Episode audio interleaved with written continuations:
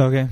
Ćeš da pričamo o komentaru dva lekara Štrebera koji odjednom počinju da prate košarku zato što je trenutno najbolji igrač na svetu srpskog porekla uh, i finale će uskoro, tako da je vrlo aktualno. Može, odlična ideja.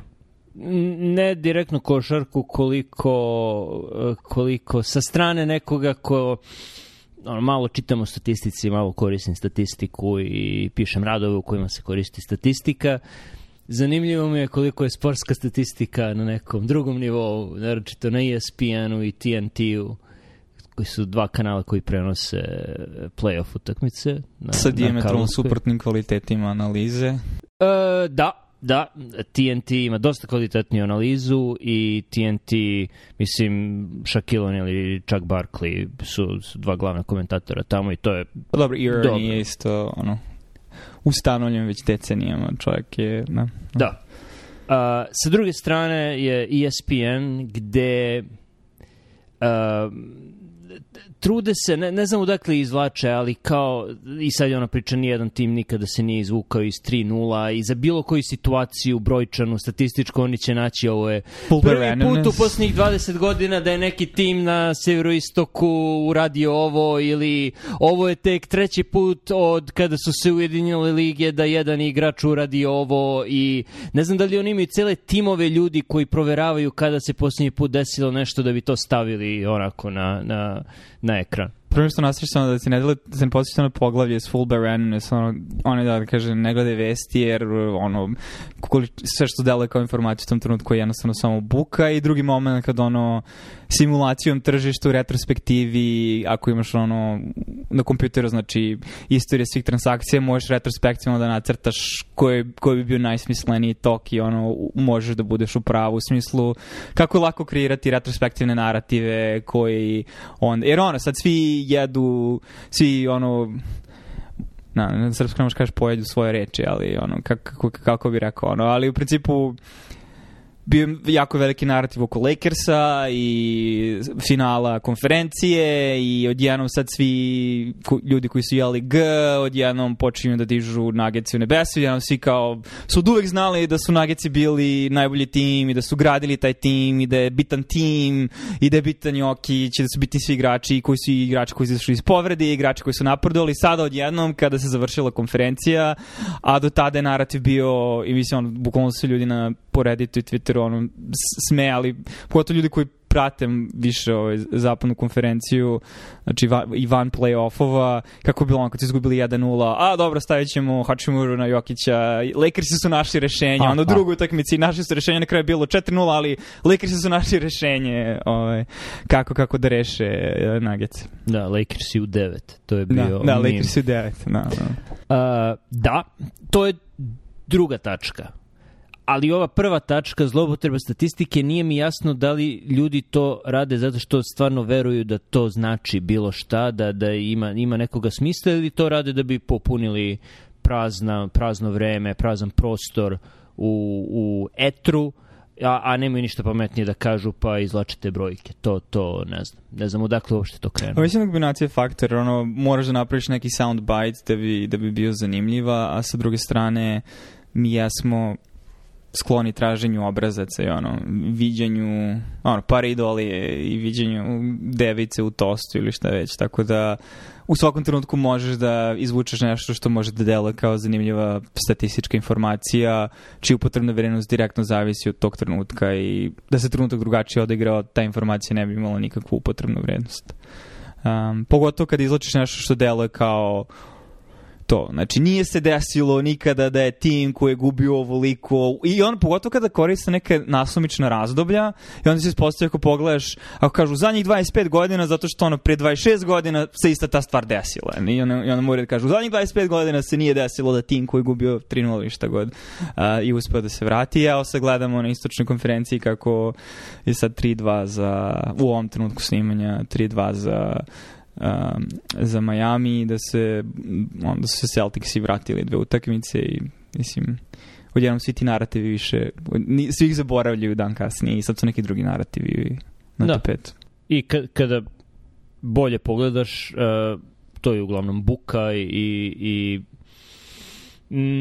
ne, nema nikakvog, ne, ne možeš nikakav zaključak da doneseš od, od bilo čega u toj statistici. A što se narativa tiče, donekle razumem jer uh, Boston i LA su veća tržišta, više ljudi tamo ide na utakmice, više ljudi tamo gleda utakmice, više ljudi kupuje dresove, ostali merch. I karte su skuplje i tako da. Ja. Da. Tako da, tako da ono, igra, igra za publiku i, i većina novinara pod navodnicima na ESPN-u definitivno i ostali su sportskoj štampi, nisu stvari novinari, nego su zabavljači i pričat će o stvarima koje interesuju ljude, a ljude interesuju Lakersi i oni uh, a, i, i igrači Lakersa, ne znam toliko za Celticsa, su ono ličnosti, imaju svoje podcastove, imaju Uh, i, i do druge emisije, tako da ljudi ono prate ih, imaju, imaju prisustvo na društvenim mrežama, imaju puno pratilaca, imaju Instagram, imaju te stvari,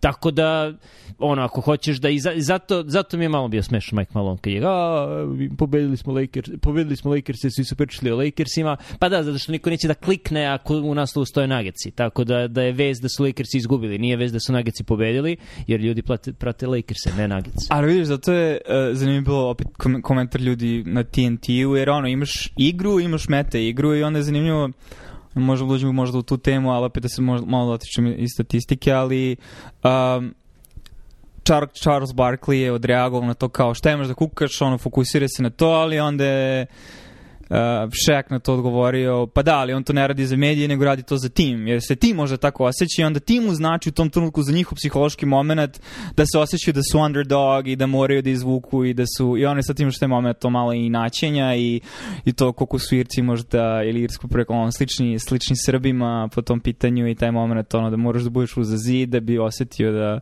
da te ono da ti gori pod nogama da bi dao svoj maksimum, ali bitan je taj moment održavanja tog psihološkog tonusa da ne bi pao da ljudi budu gladni i da se, znaš, tako da i taj moment, jer ono, recimo u poslednjoj utakmici protiv Lakers je bio sad te zanimljiv moment kad je Malone dobio tehnički faul, a, kada je bio ono faul na Jokiću i onda je ono pod košem koji nije bio viđen i onda je Jokić uradio faul iz frustracije i onda je on bio, faul, mislim, dobio je faul na sebe i tad je počeo da ulazi ono, u foul trouble, znači imao je previše ličnih greške i onda je Michael Malone krenuo i ne znam da si video um, Mislim, psovo je. Znači, ima, možeš da vidiš da mu čitaš usta na, Bilo na e, sudiju, da, dosta, da, da, da, kako je to ja nisi video i tako dalje. I onda je on dobio tehnički faul, ali onda se komentari nekih ljudi koji prate da je to na nekom nivou bilo neophodno da bi pritisnuo sudije jer ti utičeš u živoj utakmici kada u trenutku, pogotovo što ono košarka je jako zanimljiva jer je nenormalno dinamična, mnogo se stvari dešava i kad su prekidi, prekidi su jako kratki, tako da odluke moraju da se donesu u sekundi, utakmica se nastavlja dalje, lopta je jako živa i stone moment Jokića kad su igrali sa Sancima i vlasnika kad je on teo da uzme živu loptu dok je igrač bio dole, znači u svakom trenutku ti pokušaš da iznađeš prednost tog trenutka, tako da jedna od hipoteza je da razlog zašto je Malone tako reagovao je bio da bi napravio pritisak na sudije i onda navodno opet, da li je to narativ ili šta, ali uh, količina faula je, mislim, koja je bila suđena se na nekom novo ekvilibrisala, iako su Lakers imali daleko više slobnih bacanja u toku čitave utakmice, a igrali su dosta agresivno, tako da... Ali imaš i sad taj moment te meta igre gde nije sad samo znači trudiš se da daš svoj maksimum, nego je ono u trenutku znači moraš da oblikuješ atmosferu sa publikom, sa sudijama, sa svojim saigračima, sa drugim timom, jer ima mnogo tog psihološkog momenta kada ti opadne ono samo pouzdanje i naš ono, Imaš... najbolji primjer je slobodno bacanje, mislim koji ne bi trebalo da većini igrača ne bi trebalo da promaši to, ali Osim zašto toliko ljudi? Da. Imaš Nemoj tako, on, on je baš dosta se popravio. Je yeah, da. MVP po svim utakmicama. Mm. Uh, da, još očigledniji primer uticaja na sudije bio je što je malo na konferenciji za novinare pre četvrte utakmice pričao o Davisu i njegovom sedenju pod košem po 8-9 sekundi. Da. I gle čuda utakmicu posle toga, dva ili tri puta su mu svirali 3 sekunde ispod koša po prvi put u play-offu protiv bilo kog tima, no. Da. što je zanimljivo.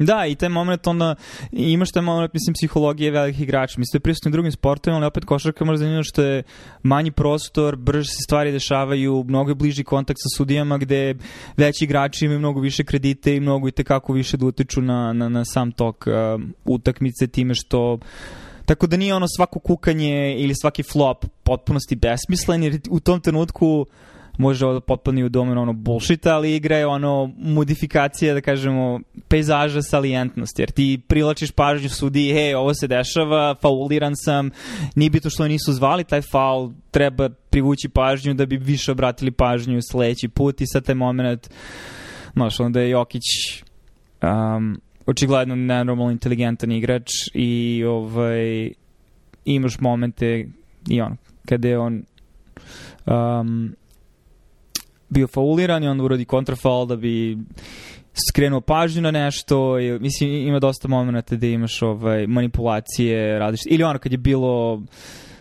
um, Lebron je flopovo i onda je dobio faul i on ono 10 sekundi kasnije je na sličnu reakciju, znači Jokić isto flopao po znacima navoda, to stvarno malo više tresu ruke i onda je on dobio faul, ali isto tako onda modifikuješ kako će drugi igrači igrati, jer onda je manja šansa da će sad taj drugi igrač da napravi sličnu taktiku, jer ima dosta tih taktika, mislim koji je waterpolo, ono šta sudije vide, šta sudije ne vide, dok si pod košem, pogotovo ako si veliki igrač, manji igrači često mu budu nasilni, ne znam svi da ono, a, sa, sam, da, da, da, ali i sa Morisom, ono što je bilo kad je on naleteo na Jokića i onda Jokić on udario ramenom sleđa, on je dobio bi suspenzio, ali to je moment bio da su i Čak i Šek e, komentarisali kako treba to da uradiš, jer ako uradiš takvu vrstu faula koji je očigledno bio nepotreban, namerno nasilni faul, a ono, više ti se gleda kroz prste jer si ti manji igrač koji fulira većeg igrača. Ako ne reaguješ na to, ti onda na nekom nivou otvaraš vrata drugim igračima da počnu da rade slične stvari. Mislim, ono je ožiljak što Jokić ima na ramenu mm -hmm. je bio mhm. zato što mu je noktom igrač zakačio da mu se otvorila koža i on je nastavio da igra dok mu je krvarila ruka ceo meč i zato je ostao takav ožiljak. Um, tako da imaš i taj moment onda moraš da pošlješ poruku drugim igračima i, i, i, i jer ono, košarka je zanimljiva opet zato što se pravila igre menjaju dinamički i, i relativno govoreći, znaš, ni, ni, nisu toliko striktna i, i ono, najbolji primjer je su koraci, mislim da ono koraci u NBA sad ne postoji, pogotovo velikim igračima. Mislim, ona trojka koju je Jokić dao ili to bilo na kraju treće četvrtine ili šta već, ono kad je samo bacio, ono, očigledno su bili koraci, mislim, ali kao što je i Lebron isto, mislim, pogotovo kad se namještaš za trojku ili tako neki šut, a pogotovo kad imaš neko ko se sprema za blok, um, ali očigledno se gleda kroz prste je zanimljivija košarka tako nego da sad zovemo korake za svaku glupost. Mm. To je tačno. Što se tiče tvoje druge poente o, uh, o narativu, Ben Golliver koji je novinar Washington Posta koji prati NBA koji je jedan od redkih ono ok novinar on je primetio isto naročito je primetio da, da sigurno neće Jokić i Murray da se žale u su nema nijednog igrača koji, koji je ono nadrndan koji će da se žali koji će tako da neko mora za njim, mislim vlasnik je on potpuno udaljen od svega ne, ne upliče se uopšte relativno nov vlasnik koliko, koliko mi se čini uh, tako da je morao malo na, malo na sebe da preuzme um, dizanje publiciteta. Što je uspelo, jer na TNT-u Uh, eh, nakon četvrte utakmice Celticsa i, i protiv koga je protiv Majamija, da. Uh, proveli su ono dobrih 7-8 minuta pričajući samo o, o Oj, Barkley i, i O'Neal i, i ova druga dvojica. To je što znači da znači da je uspelo. No. Da. Ne znam, i što se tiče statistike, opet zanimljivo je znaš, taj moment igre koja evoluira i kako sada pošto ono, ja stvarno nisam pratio, mislim da ni ti ono, još od ranih 2000-ih kada su Sacramento Kingsi bili veliki, ali igra se brže, više pojena po utakmici, mnogo se više dodaje lopte i sa taj moment trojke su daleko značajnije i kad pogledaš ono efikasno zato što kad gađaš dvojku, pogotovo ako je duboka dvojka, uh, 50% uspešnosti je jednaka 33% trojke. Tako da ako ti si u situaciji da gađaš trojku u, ako si iznad 33% uspešnosti jednako je kao da si 50% uspešnosti za dvojku u smislu da svaki tvoj šut vredi poen tako da e, imaš, imaš sa tih momenta tih vrsta odluka vezana za same taktike u toku igre i ne nameštanje igrača, tako da... Koliko sam primetio, to je jedan razlog za visoki broj poena, ali i generalno timovi koji nemaju neke dobre gađače sa daljine imaju veći broj poena zato što odbrana je prestala da postoji. Jer su naročito Piše u regularnoj... Piše stvari sudi, isto. Da, da. re, regular, u, re, naročito u regularnom, pre play-offa, ono, u, u, u, tokom regularne lige, uh, sude za najmanju sitnicu, sude faul, tako da ti ako si odbran ti se plašiš da, da dodirneš bilo koga, generalno. Tako da, da je mnogo češće puštaju ljude samo da prođu i čini mi se da, mislim, Jokić generalno da loši odbrani, da loši odbrani, čim malo dune na neku drugog igrača, on flopne i, i sviraju mu lično. Tako da je i to delom razlog zašto ima mnogo više pojena. A evo primjer odlično odbrane 4 sekunde pred kraju utakmice sa Lakersima gde su Gordon i, i, i Mare zaglavili Lebrona i Mare uhvatio bukvalno loptu, znači nije dotako Lebroni i Lebron je tražio faul, ali već je bilo gotovo, tako da ovaj, um, Da, zanimljivo je kako ono, znaš, taj moment opet u sportu želiš da postigneš uspeh, u skladu sa svime onim što, što su pravila i što se toleriš i onda kako igra evoluira u skladu sa posticajima koji se menjaju kako pravila napreduju ili kako kultura tolerisanja određenih ponašanja ili netolerisanja određenih ponašanja se menja i onda imaš različitu igru, ali mislim da je ideja jedna stvari koja je bila iza, iza tog povećanog suđenja bila da su želi da ubrzaju, da ubrzaju igru i stvarno ova košarka sada stvarno dela jako zanimljivo. Mislim kada ti vidiš koliko lopta puta promeni i koliko puta igrači promene svoju poziciju i onda iz kojih pozicija se daju poeni. I jako je opet zanimljivo stvarno stvarno je sport u kojem da bi bio uspešan moraš da budeš inteligentan. Mislim, ono, prostorno inteligentan i, i da uviđeš i da anticipiraš vrlo komplikovane situacije u, ograničenoj, u ograničenom vremenskom preseku. Tako... Um. E, prostorno inteligentan, da, e, po konferencijama za novinare i onim e, rečima koje daju sa terena na kraju e, meča ne bih ne bih rekao da je verbalna inteligencija. Pa to ti je razlika između propozicionalnog znanja recimo i participatornog, da ti, kako, kako ti možeš da opi, kako bi ti kao muzičar mogao, šta, šta uvek može igrač da kaže? Bila je super utakmica, dali smo se od sebe, možda daš par primjera nekih gara, ali kad već uđeš u neke stvari koje se tiču samih specifičnih strategija i taktika, tu možeš i da izgubiš publiku, jer ljudi ni ne razumeju na kom nivou profesionalni igrači razmišljaju, mislim, tako da... Znaš, no, to je kao kad bi... Na, naš posao je štreverski. Sve se da objasniti rečima. mm ne, ne, možeš ti dobro da objasniš rečima i e, čak i na ESPN-u ima par analitičara koji dobro ti ono, crtaju strelice i vidi on gleda ovoga i zato baca ovde itd. itd. Stvari u tome što ti analitičari mogu to da vide i da objasne, ali igrači koji su tamo, oni mogu da ti kažu mislim da ne bi mogli da ti kažu zašto su to tačno uradili, kako više intuitivno ili ne znam koji je to tip znanja koji, pa koji se da vidjeti može, ali dosta njih i neće. Znači bio je primer sa, kako se zove, Brown, ovaj ruki, mislim nije više ni toliko ruki, ali on je... Koji, Christian po... Brown ili... Brown, da, da Brown. da. A, za Nagice počeo na trenutku priču strategijima i onda Jokić uše rekao conference, conference is over.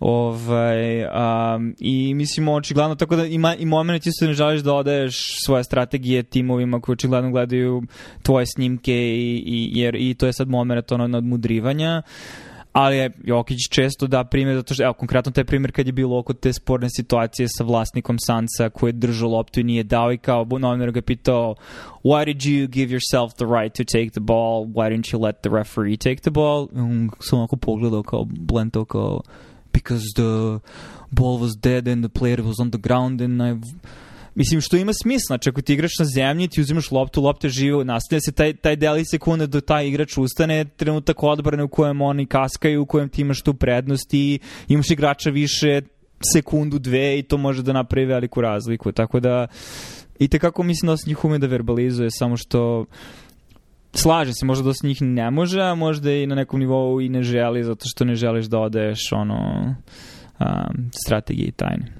Da, naročito kada ih piti. Kako ste se osjećali kada? Mislim, kako sam mogao da se osjećam. Ali ima dobar kanal na YouTube-u, za, ima ih dosta, ali jedan koji onako baš radi ten list strelji sa Thinking Basketball, ima dosta klip povezanih za igru Nagica, pogotovo u posljednje vreme iz Jokića i sad ih Miami Heat i Butler, da baš radi to, znači pokaže ti koji igrača gde, kog, šta gde gleda, ono, pick and roll, znači koje su pozicije, ove, igre koje se igraju u tom trenutku i ono, koliko brzo se igraju igre i bukvalno delo, znači, mislim, neko je ovo, samo naše ono, mi nismo kako ono, ti Roche Protector i, i, i ne bitno, uglavnom ispoš trebiri koji ono, samo mogu da gledaju, ali ne mogu da igraju, ali je, kao, e, moment je kao kada, kada igraš, ne znam, neku društvenu igru, kako bi ti ja igrali, ne znam, Twilight Struggle, aj e, sad da se ne autujemo, ali ti, da ti, neću, ali, da- neću više psihičkih, trau, psihičkih trauma da ti nanosim, da, ovo da, više da, da, da igramo. Znak jednakosti im stavljamo između profesionalnog sporta i toga, ali, ove, znaš, da u tem trenutku razmišljaš o ramifikacijama u tom trenutku, iako ja postupim ovako kako hoću, ali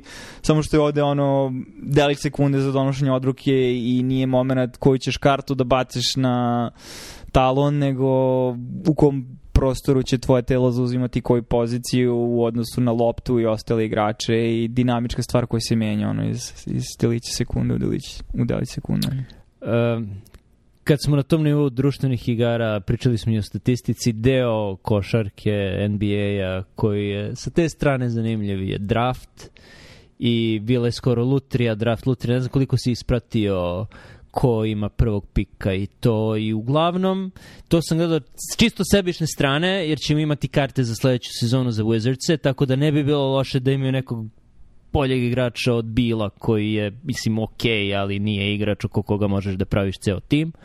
Izgleda da će ostati u DC-u, pošto se njemu sviđa DC, a u ugovoru piše da ne smije da ga traduje bez njegove dozvole i zašto ne bi bio u DC-u, lep je grad, lepo vreme. Uh, polutakmica ne igra, ali dobro. Uh, I imali su 8% šanse za prvog pika u toku lutrije. Ali ne znam da li znaš kako funkcioniše lutrija. Okay. Imaš loptice izlačiš iz bubnja i kao, kao ono bingo, svaki tim u zavisnosti od toga koja je procenat šanse da, da dobije prvog pika ima različiti broj kombinacija, ono, ima spisak i kako se koja loptica izlači, ti precrtavaš brojeve i drugi tim precrtavaju brojeve, tako da se dinamički menja verovatnoća. Mislim da je 4 ili pet cifara, ne, mislim da je pet cifara. Dinamički se menja koja je šansa. I desilo se to da odmah pre izvlačenja poslednje loptice šansa Spursa, koji su imali više od 50% šanse za prvog pika na početku, je spala na ono 5%, šansa Wizardsa, koji su imali 8, nešto pošto šanse, je bila iznad 50%. Bila je šansa veća od 50 nešto posto da će imati prvog pika. Uh, I zašto je bitno da imaš prvog pika baš ove godine? Zato što je Wanga Yama, ili kako se preziva, koji je navodno jako dobar igrač iz Francuske, koji je u nivou jednom u generaciji, dobiješ, tako da je bilo jako bitno. To je onaj visok sa jako dugačkim rukama, nogama. Da, da, da ve velikim šakama. Da. Lopta izgleda kao grapefruit kad je on drži. Uh, I ima malo fluidnije pokrete od Jokića generalno kad gledaš. Um, tako da bi, bi bilo bi lepo i znaš ono cena karata bi porasla, možda preprodaš karte, bit će zanimljivije utakmice, svaka utakmica će biti zanimljiva ne samo kad dođu Spursi.